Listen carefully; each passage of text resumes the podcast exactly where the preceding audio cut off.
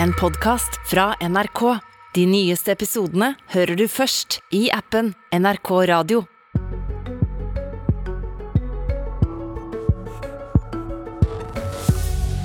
Dagens eh, tall er 27. Vi snakker bensinpris per liter, som gjør at Norge nå er verdens nest dyreste land for drivstoffer. Ufattelig at ikke regjeringen skal gjøre noe med det, mener Frp. Og så skal vi snakke om at, Norge, nei, at Sverige og Finland vil inn i Nato, og nordiske statsministre de diskuterer en tyrkisk president som er vrang og blokkerer planene.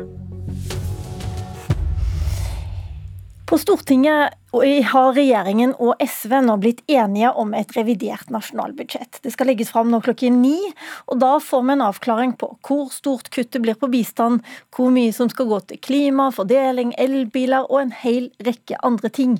Men det vi ikke trenger å lure på, det er hva denne regjeringen skal gjøre med det faktum at prisen på en liter bensin nå er på 27 kroner literen.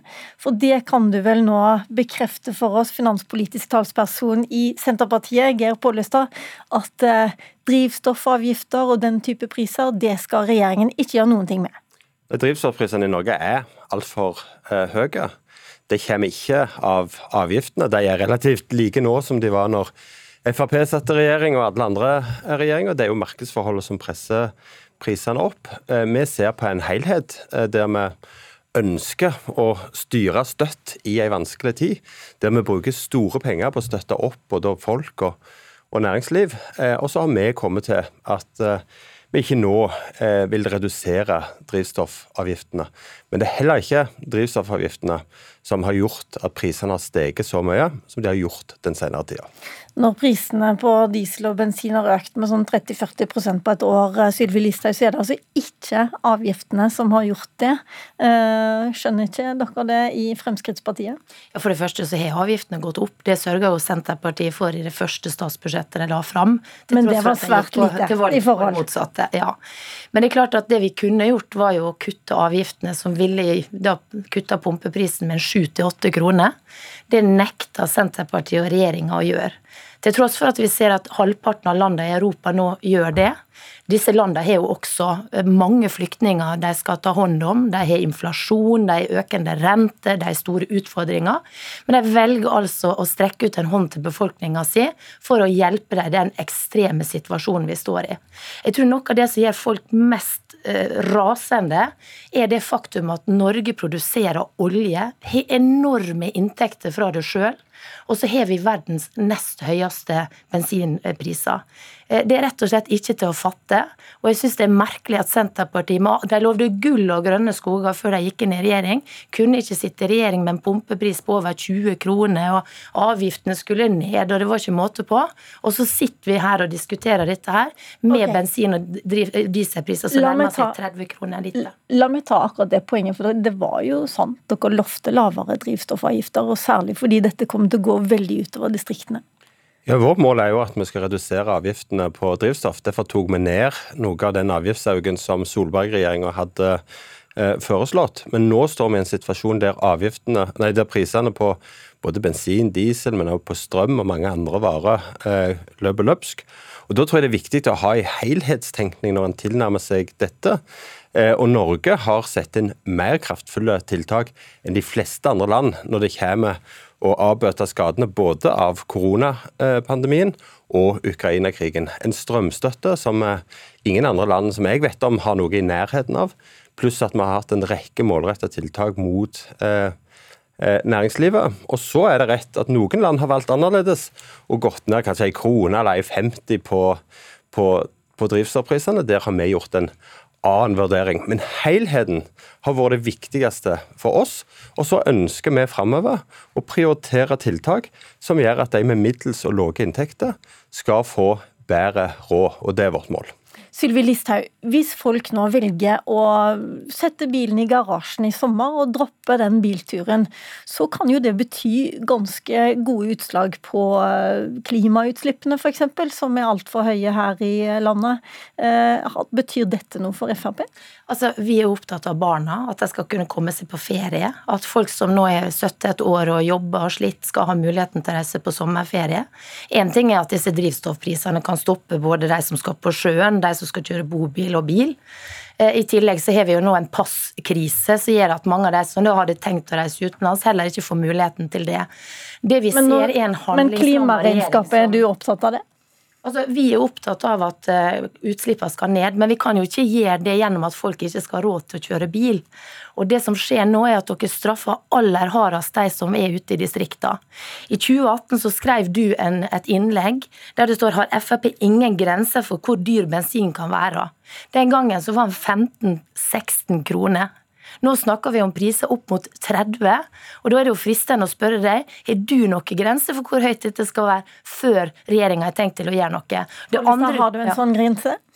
Nei, altså Mitt mål og regjeringas mål er jo at drivstoffavgiftene skal ned. Det står i ja, eh, regjeringsplattformen. Og så er det eh, sånn at vi er i en helt ekstraordinær situasjon. Men eh, jeg er opptatt av Og vi er opptatt av Men, men unnskyld meg, har dere en sånn grense? Marit Arnstad, du har diskutert mye hva hun faktisk sa, men, men eh, før valget så virka det helt eh, vanvittig at bensinprisen skulle over 20. Nå er han altså på 27. Kan du si at 30 er en sånn grense, f.eks.? Ja, det vi sa, det var en diskusjon om hvorvidt en skal øke CO2-avgifter, sånn at bensinprisen gikk opp med fem kroner pga. Av På, på grunn av avgiftsøkning. Eh, og det sa vi, at å øke avgiftene så mye som enkelte ville, ja, det er helt uaktuelt for oss å sitte i en regjering som gjør det. Men vi er ikke sånn at vi binder det å sitte i regjering eller ikke til råvareprisene på olje og gass. Men vi er opptatt av å føre en helhetlig politikk. Og for så er det sånn at aldri før i Norges historie har så mange folk gått på jobb som i dag. Det handler om å gi folk råd til å reise på ferie. 100 000 flere. Det er jo det er jo, noe helt annet. Det skal du nei, gjerne få snakke om i et annet kvarter, nei, men, men du har henger, altså ikke en sånn en grense. Dette henger veldig nøye sammen. fordi at når vi bruker mye penger så må vi bruke de pengene rett, sånn at vi får folk i arbeid, men samtidig på en måte som gjør at vi har kontroll på renta og inflasjonen. Og Derfor så har det en sammenheng mellom hva vi bruker penger på, og om folk får jobb, og om det går godt i norsk økonomi. Og det er denne sammenhengen Frp er veldig svake på, og regjeringa er veldig opptatt av. Og det er forskjellen på oss. Frp er på enkeltsaken bensinpris. Vi sier vi må se helheten, vi må se avgifter samla, vi må se kostnader samla. Og vårt mål er at vanlige folk skal få bedre råd. Ok, Listhaug, er ikke du bekymra for den renta? For det er jo ikke bare Senterpartiet og regjeringen som sier at hvis du nå legger ut enda mer penger i det reviderte nasjonalbudsjettet f.eks., som dere vil bruke på å redusere avgiftene, så øker du presset på renter, og det betyr mest for folks økonomi. Nei, altså Vi får jo ned inflasjonen. Det gjorde man jo med strømstøtta. Så på fly så øker man jo inflasjonen gjennom å øke avgiftene nå når folk skal ut og reise. Så ekspertene tar feil på Nei, altså, at renter kan gå opp hvis ja, vi man øser mer ut? at staten skal bidra til å dempe inflasjonen gjennom å sette ned avgifter. Og så er det jo også sånn da at eh, vi ønsker å kutte. Og nå hører vi på radioen at det dere skal prioritere, er ikke å sette ned avgiftene på drivstoff men det er å øke bistandsbudsjettet. Det er å gi almisse til noen, gi flere til sosialklienter, i stedet for å sørge for at folk greier seg sjøl. Og folk får dårligere råd. Men la meg spørre da, fordi at det du, har, det du også har kritisert dem for, er å gi penger til bøndene, f.eks. Men mm. der var jo du en av de fremste i heiagjengen som gjerne ville gi de pengene. Så hvor skal dere kutte for å finne penger til å redusere avgiftene? Ja, Vi støtter jordbruksoppgjøret, men vi ønsker jo at flere enn bøndene skal få hjelp. Og det er jo typisk Senterpartiet. Det er bare bøndene som skal få hjelp.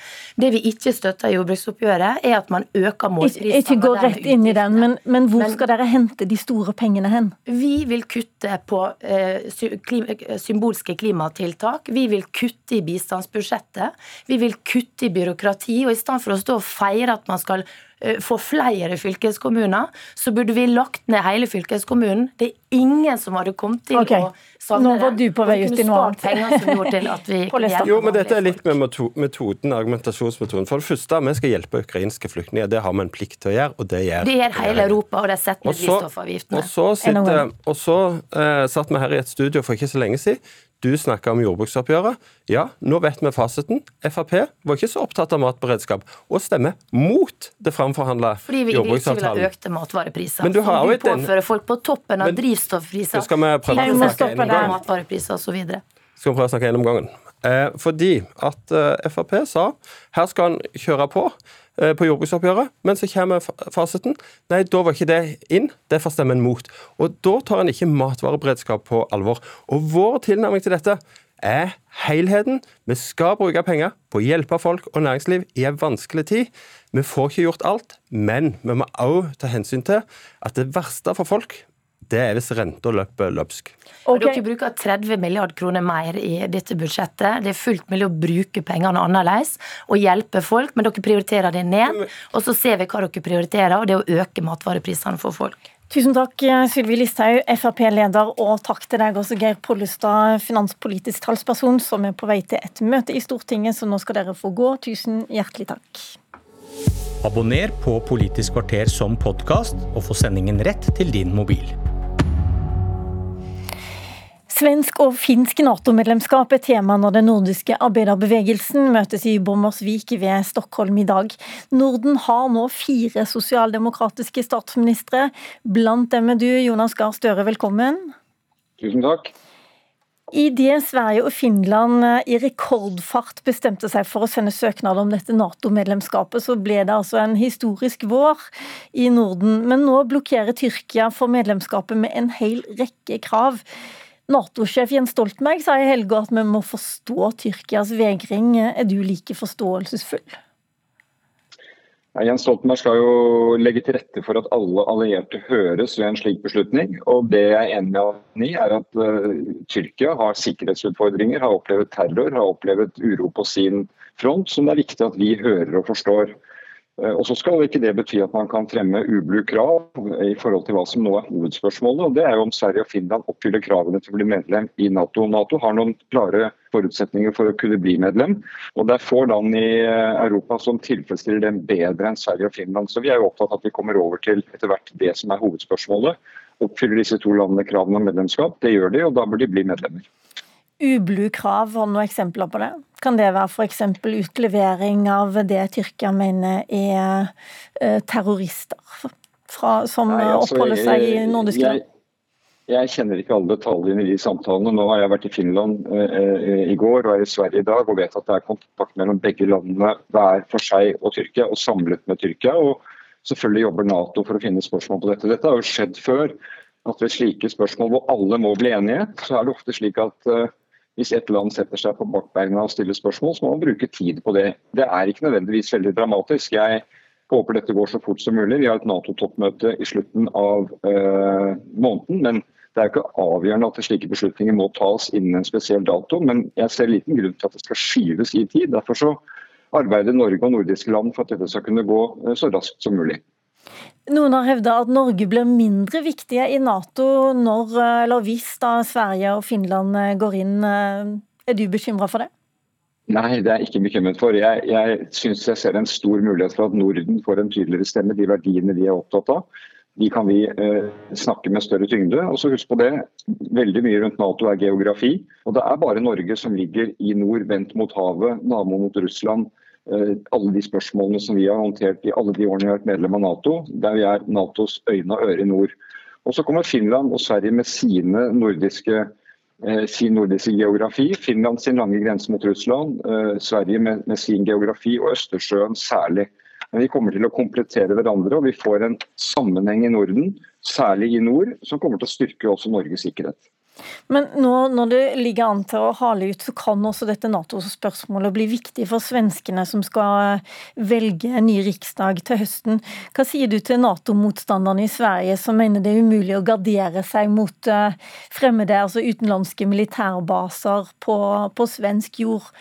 De ser til Norge Nei, og sier jeg... at akkurat det har jo Norge opplevd nå, ved å åpne opp for fire amerikanske baser på norske flyplasser.